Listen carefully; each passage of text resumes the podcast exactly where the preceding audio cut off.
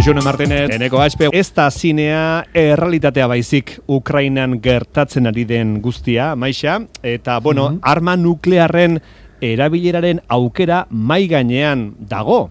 E, hori pentsatu beharko dugu, Vladimir Putinek arma nuklearrak prest edukitzeko agindu eman duelako. Esan du, prest eduki barretugu armak. Arma nuklearri buruz hitz egin diguzu, bai, maixa? Bai, bai. Zergatik, ikusten duzulako aukera erreal bat, armak erabiltzea, edo besterik gabe hipotesi gixara, edo... Bueno, Putin esan duzun bezala, bere armadari agindu eman zuen, mm. arma nuklearrak eta kakotzen artean modu espezialean jartzeko, konbate beharretan jartzea eskatu zuen, bai. eta nire buruari galdetu diot, ez zer pasatuko litzateke botoi nuklearra sakatzen baduen Putinek. Mhm. Eta gero, ba, fizika aplikatuz, kalkulu batzuk egin ditut, ulertzeko zeintzuk izango lirateken, ba, Kieven ondorio hoiek. Uh gerrate nuklearra e, gaur egun izango litzateke, bueno, e, desastre e, totala, basea marmila arma nuklear daude planetan, beratzei estatuk dituzte arma nuklear hoiek, e, bueno, e, estatu batuak, e, Ipar Koreak, NATO, e, Rusia, India, Pakistan, eta gatazka nuklear bat gertatzeko esaten da e, bakarrik bi gauza behar direla. E, ondoren go zerrendako e, bi, gaizki ulertu bat, akats bat, e, politikari alditsu bat, eta nik uste dut ja bat badaukagula, mai gainean, beraz beste bakar bat, faltatuko litzateke bagatazka nuklear bat e, gertatzeko. Hmm. Bigarren mundu gerran, eundaka edo milaka abioi behar ziren hiri oso bat bombardatzeko, baina bomba nuklearra inventatu zenetik, ba, bakarrik abioi bat behar izan zen, enola gehi, bomba atomiko bakar bat behar izan zen Hiroshima, Hiroshima txikitzeko. Bai. Ama bos mila TNT tona, baliokidea zena, por cierto. Eta bomba askatu zen momentuan, eun mila pertsona hil ziren, e, barakaldoko hiri osoa, e, denborarekin hidrogeno bomba inventatu egin zen, e, Hiroshima bomba baina bosteun aldiz potenteagoa dena, mm Irurogiko amarkadan abioi bakar batek horrelako bost eraman zituen jadanik, baina ja ez dira abioiak behar. E, bomba atomikoak botatzeko, ba, misil balistiko interkontinentalak daude, hidrogeno bombak eraman dezaketenak, itxaspeko submarino nuklearrak ere badira, misilekin, e, esate baterako ba, trident izeneko itxaspeko e, batek, bakar batek, submarino bakar batek, eun hidrogeno bomba transportatu ditzazke, hau da, e, mila Hiroshima bomba leherketa ahalmenarekin, Eta almen hau ulertuta eta kalkulu batzuk eginez, mm. kalkulatu dezakegu zer suntxipen eta zenbat bizitza galduko ziren ba, inoiz horrelako honbak erabiltzen badiren e, Ukrainiako e, e, gerratean. Emango ditugu zenbakiak oso beldurgarria dira? Beno, e, e, ulertu behar ditugu zenbakiak gero ba, ba, erabakiak hartzeko. Zalantzari gabe. Imagina dezagun zer gertatuko litzateke Errusiak, mm. e, Barents itsasoan dituen itxaspeko nuklearren bomba nuklear txikiena, txikiena erabiliko balu Kieben kontra. Mm -hmm. e, Kiebek ditu gutxi gora bera iru mila kilometro karratu, iru, iru milioi biztanle, eta bueno, ba, kontua da guztira, gutxi gora bera eta errepikatu nahi dut bomba nuklear txikiena, txikiena eh? erabiliko balu, boste un, e, boste un mila e, biztan lehilko ziren, milioi erdi biztan lehilko ziren, Kieven bakarrik, hau da, Bilbo eta Barakaldoko biztan lego guztia, hilko luke bomba bakarronek, eta lau era desberdinetan hiltzen du e, bomba nuklear batek, eta ulertzea e, komeni da. Lehenengo sonaldean, e, bomba jausten den sonaldean, hau da, iru kilometroko diametroko sonaldean, xok uina dago, xok uina horrela ditzen zaio. Sonalde horretan, e, sementozko eraikuntza guztiak botatuko zituen, baita bertan e, bizi direnak hil, iru kilometroko diametroko sonalde batean. Bigarren sonaldean, e, erradiazioa, e, erradiazio sonaldea ditzen dena, lau kilometroko diametroko sonaldean, bomba atomikoa edo nuklearra gertatzen den fisio nuklearran erradiazio askatzen da. Gogora dezagun, ba, e, arma nuklearretan, bomba nuklearretan, e, nukleoen fisio edo fusio erreakzioetan askatzen den energia erabiltzen dela, e, arma bezala, hiru mota daude, fisio bomba, hidrogeno bomba edo termonuklearra eta neutroi bomba, baina kontua da, erradiazio askatzen dela. Eta bomba jauzi eta urrengo asteetan, erradiazioak sonalde horretan, gogora ezagun lau kilometroko diametroko sonalde horretan, biztan legoaren euneko berrogeita mar, euneko larogeita mar artean hilko luke. Irugarren sonaldean, hauia saspi kilometroko diametroko sonaldean, Zoaz gogornetik eh, harineren andola esateko, ez da? Horrela da, bai. Irugarren sonalde horretan, zazpi kilometroko diametroko sonalde, irugarren sonalde horretan, sok uinak jarraituko luke erresidentzia eraikuntzak botatzen, eta laugarren eta azkenengo sonaldean, amar kilometroko diametroko bat, diametroko sonalde batean, Bai. leherketa nuklearrak eragindako argi bolada distiratsuak e, irugarren graduko erredurak eragingo lituzke biztanlegoan, e, bueno, estali gabeko e, azalean. Eh, Larru azalean. Bomba bota eta mar kilometrora, eh, zera, erredura izugarriak eragingo lituzke. Irugarren graduko erredurak estali gabeko azaletan, eta ez hori bakarrik. E, gauza sukoietan, e, errekorretan, e, argi distiratsu horrek hain erradiatzaile izango zen, gauzak erreko zirela, e, zuaitzen ostoak, e, Ja, ja. egunkariak, e, jantztenan izaren arropak, erreko, erreko lituzke. Eta esenatoki beldurgarri hau, e, gertatuko litzateke bomba nuklear bakarra erabilita. Eta txikiena, esan duzu Eta txikiena, eta gogora ezagun, Errusiak dituela bos mila inguru. Bos mila inguru. Eta, bueno, Europan, e, laureun eta berrogeita sei hiri daude, egun mila biztanle baino gehiagorekin, Beraz, ahalmena du, e, ba, Europako amar mila biztan, e, parkatu, eun mila biztanle baino gehiagoko hirietan amar bomba nuklear botatzeko bakoitzan. E, estatu batuetan e, berreunta berrogeita mar mila hiri daude, e, eun mila biztanle baino gehiagorekin. Eta e, go- logikoki erantzuteko aukera e- ere bai e, legoke, e, ba, gora ezagun Frantziak, e, Resuma Batuak, Estatu Batuek daukatela ere bai e, botere nuklearra. Bai.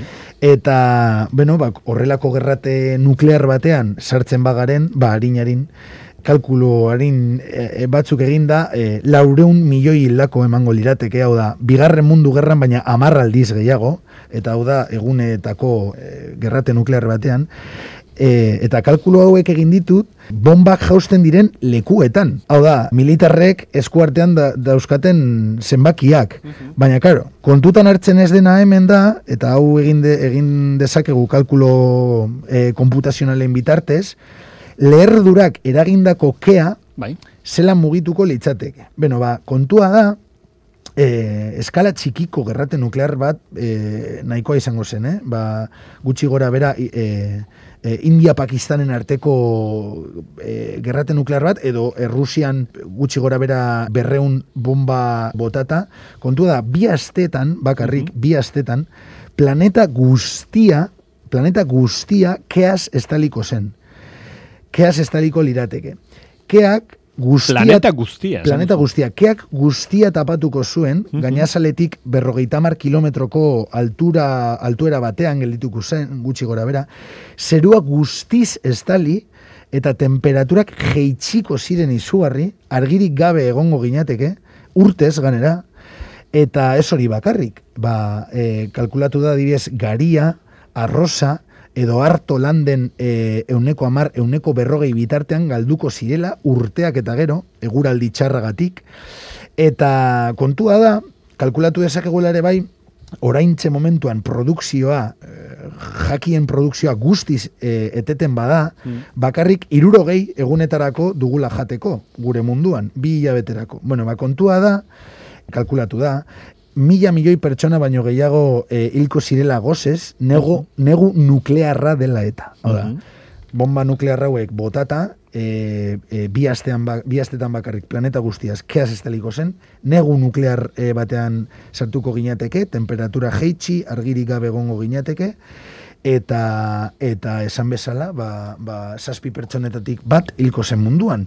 Eta, bueno, ba, dinosaurioen desagertzeren e, fenomeno antzeko bat emango zen, Biziko genuke munduan. Bai, gogora ezagune, e, bueno, euneko, espezie guztien euneko irurogeita marra, hil zela, eta desberdintasun bakarra da, ba, dinosaurioek ez zutela txarrik egin desagertzeko, baina kasu honetan gure errua izango litzateke, gizakion errua izango litzatekela. Zuk uste, naizta jendeak zenbaki hauekin pixkat, bueno, beldurra sentituko duen, zenbaki hauek eman behar direla, jendeak jakiteko, teknologia zer egiteko gauza den. e, unik uste dut informazioa beti dela. e, e, erabilgarria dela Mhm. ikusteko zenolako ondorioak izan ditzakeen ba, esan bezala botoi nuklearra pizten baden. Mhm. Eta, bueno, ez dira bape, ez dira bape. Ez, ez.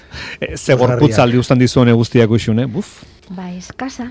Ba, eskasa, ez da? Bai, egia zan, eh, bueno, edo zein pelikula edo filma baino askoz gordinagoa da realitatea, ez? Ja. Eta zenbaki honek eh, horrela dirazten dute behintzat. Mm. Bai, bai. Baina, beno, bueno, eh, eskasa, baina... Gu hemen zientzia hitz egiteko gaude, eta zenbakek emateko gaude, gero beti esaten da, zientzia Bai. erabilpena izan daitekeela modu bateko edo bestekoa maixa, ez da? Bai, Eta- e, e, zientzia eta teknologia nik beti jartzen dut labanaren adibidea, ez? Bai. Labana batek hil dezake, e, eta labana batek ba, e, kirugian bizitzak salbatu dezake. Hori da. Beraz, e, guazen zientziaren eta teknologiaren e, alde onak e, erabiltzera. Hori da, hori da, bai. Bueno, eh... ez dakit. Ez da, ez da erreza honi buelta ematea, Jarraipen ematea, eh? ez da, ez? Bueno, bueno, horri aldea pasako dugu, eta segiko dugu, bizitzak beste hain bat atalditu, eta bestea beste, ba, gaur uxune begiratu nahi dio errepiden ekologiari. Bai, E, Zer da errepideen ekologia? Horrela esan da, kontzeptu abstraktua dela irudilezake, usune, baina berehala konturatuko dira gure entzuleak zertazari garen, esango dugu azpiegitura linealen eta Bai. ingurune naturalaren arteko elkar eragina ulertzen alegintzen dela errepideen ekologia, bai, eta e, azpiegitura hoien eraikuntzak eta funtzionamenduak zonaldeko flora eta faunari bereziki nola eragin diezaioken ulertu nahi duela zientzia honek edo e, Bai. ikerketa gune honek, ezta? hori da. E, zer da errepideen ekologia? Nola esplikatu hori modu simple Ba, batean jendeari? Ekologiaren adarra da, Mhm. eta aipatu duzun moduan, bueno, azpia egitura linealak e, zer nolako eragina duten flora eta faunan e, ikertzeko jaioa da, eta zer dira azpia Hori, egitura zer dira linealak? azpiegitura linealak, ez? Bueno, ba, azpiegitura linealak imaginatu daukagula mapa bat, kartografiko bat, non bertan e, e, ba, ikusten ditugu, ba, imaginatu Bilbo eta Bilbon agertzen direla, ba, etxeak, kaleak eta, bueno, azpiegitura guztiak, ez? Mhm.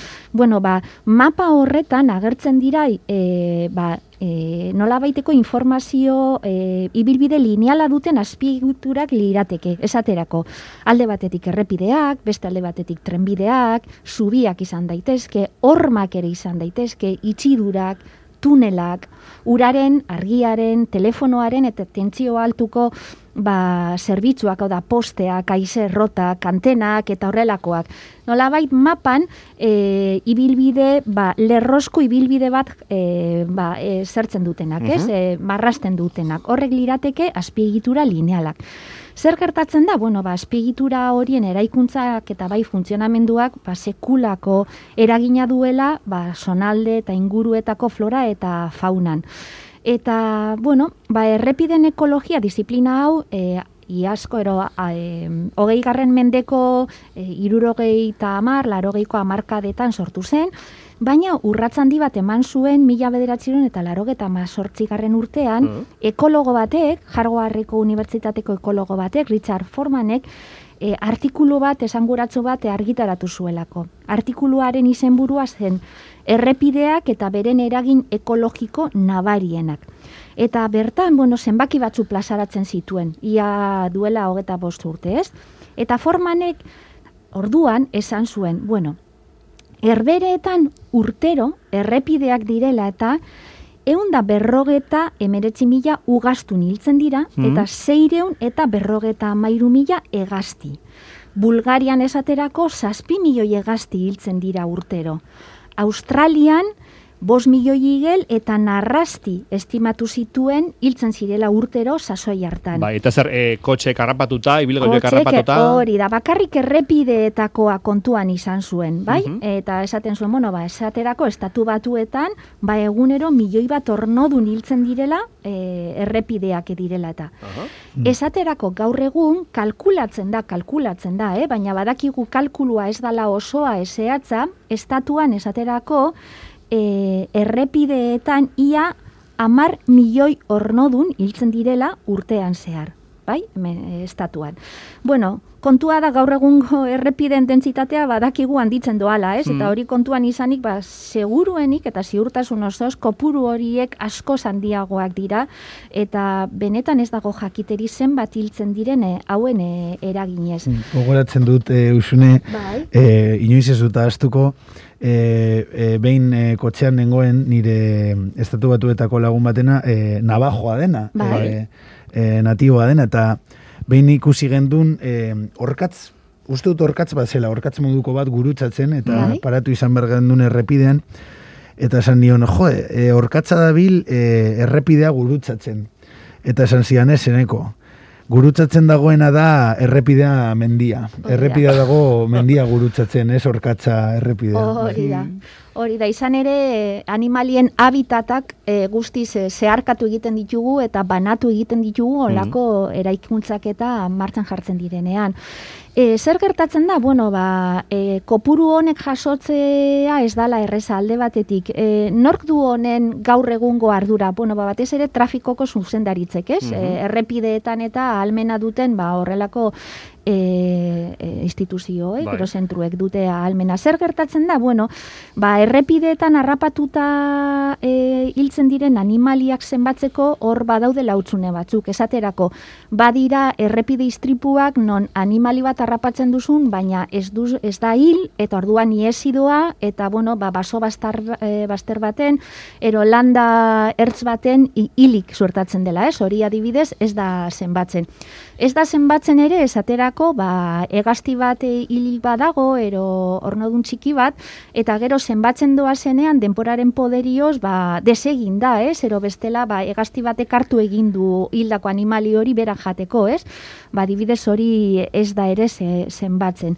Eta beste alde batetik, kontuan izan behar da, ez direla zenbatzen ere, bueno, ba, aizerroten eraginez hildakoak, mm trenbiden ondorioz, eta, e, e, ba, goiten zioko lineak direla eta horiek akabatzen dituzten animaliak eta ba horiek ba ez direla kontuan hartzen. Zer da egin dutena era, bueno, alde batetik hau konpontzeko, zientzialariaik eh, zer e, ba, gomendatzen dute alde batetik. Bueno, ba, onako eraikinak eta onako e, obrak eta egiterakoan, ba, argi dago, inguruko flora eta faunaren ezaugarriak eta euren ibilbideak eta euren dinamika kontuan mhm. hartzea eta mesedez ba, errespetatzea, ez? Mm Eta beste alde batetik, beste herrialde batzuetan zer egin dute? Bueno, ba, egin dituzte horrelako pasabide seguruak animalientzako. Mm. Esaterako, herbereetan, eh, Alemanian eta Kanadan, e, horrelako eko bideak ero e, eko zubiak egin dituzte. Esaterako, ba, lasterbideetan ero autobideak gainekaldetik e, zeharkatzeko ekosubiak egin dituzte eta animaliek e, ez dute zeharkatu behar e, errepidea, baizik eta goitik egin dituzte. Bai? Eta bueno, dira horrelako zubi batzuk non belarrez eta estalita dauden, ero mm. baso itxura duten eta orduen animaliek ba, bertatik e, pasatzen dira alde batetik e, bestera. Badira esateko ere, ba, tunelak, adibidez, zelanda berriko e, o amaru inguruan, badaude pinguino txikitxo batzuk, pinguino, e, pinguino urdinak direnak, mm. kororak deitzen direnak, munduko espezieri txikiena da, pinguinoetan, eta bueno, bidea pasatzeko eta euren abietara llegatzeko, ba, errepideak zeharkatzen dituzte euren habitat, ba, bueno, ba, tunelak egin dituzte bidea azpietatik, ba, pinguinoak pasatzeko. Pasa Kenian adibidez, elefantea pasatzeko ere tunelak egin izan dituzte horretarako. Mm zubiak, seguruenik askok e, ikusi du irudi hau eta da Christmas uartean, Australian, nola zubi batzuk egin dituzten karramarro gorriak, e, itxasora doazenean errutera, ba, errepideak saiesteko, ez dakite ikusi dituzuen, baina oso ikusgarriak dira mhm. horrelako irudiak. Eta, bueno, ba, normalean gehienetan, ba, animali handietzat egiten dira horrelako azpiegitura, korkatzak, basurdeak eta bestelako behiak eta pasatzeko, baina badaude ere ugastun txikientzako trikuak, askonarrak eta saguak ere pasatzeko pasabideak.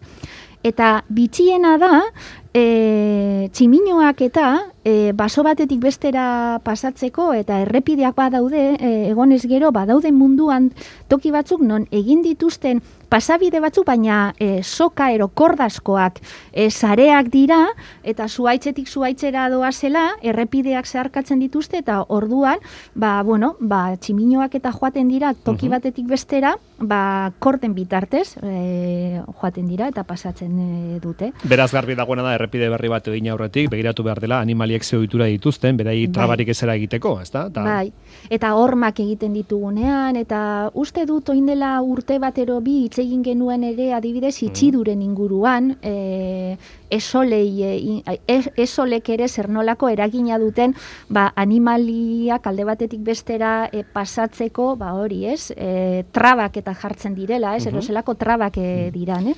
Eta, bueno, azkeneko kontua da, zenbatzeko e, honek, zenbaki honek e, osotzeko, ero alden eta zehatzenak izateko, badagoela proiektu bat, SAFE proiektua deitzen dana, Mhm. E, doianan jarri dute martxan, baina estatu osora nahi dute zabaldu, eta proiektu honek egingo duena da, hau da, e, bolondrez e, asko bildu, eta bolondrez horiek egin behar dute urte baten, egunero, Mhm. ibilbide, ba- ibilbide jakin bat, egunero, egunero, eta hor zenbatu behar dituzte, ibilbide horretan ikusten dituzten hildako eh, animaliak eta eta hori da batez ere bueno ba, datu baseak osatzeko eta benetan jakiteko Bai. ba, gure azpiegitura lineala kasu honetan errepideek zer nolako eragina duten ba, gure eh, faunan. Gogorra, de, gogorra dezagun gero eta e, animali basati gutxiago dugula, e, batez ere ornodunak, e, or, ornodun guztien e, biomasa munduan, Eh? ja basatia da bakarrik euneko laua, euneko laua. Entzule bat dio, Mombasa, Nairobi, Bai. tren berrian ere alakoak egin dituzte. Eta E- gero beste entzule batek aipatzen du, ama bosten, herriberan eba dagoela zubi bat, animaliak pasatu daitezen. Bai, lagun batek esan zidan, Japonian ere berak ezagutzen dituela Bai. dordokak pasatzeko trenbideen ibilbideetin azpitik, Hmm. e, horrelako tunel txikitxo batzuk egin dituztela dordoka espezie batzuk pasatzeko. Pasatzeko. Bai, bai, bai, bai, komentatu zidan. Bueno, eta guztia lantzen du errepiden ekologiak, eh? Errepiden ekologiak errepideari egiten diolazo, ero Mhm. errepide hitza du, baina kontuan izan, errepide ez gain, ba, bueno, aipatu ditugun beste hainbat e, eraikin, ero eraikuntza, ero obren Bai. ondorioak ere aztertzen dituela. Adibidez, haize errotak, eraikinak, tunelak eta zubiak eta horrelakoak. Oso ongi. Bai. Ba, usun eta maixa menutziko dugu gaurkoa. Oso, ondo? Bezarka Iraga. handi handi bat, ekipo? Aio, aio. Thank you.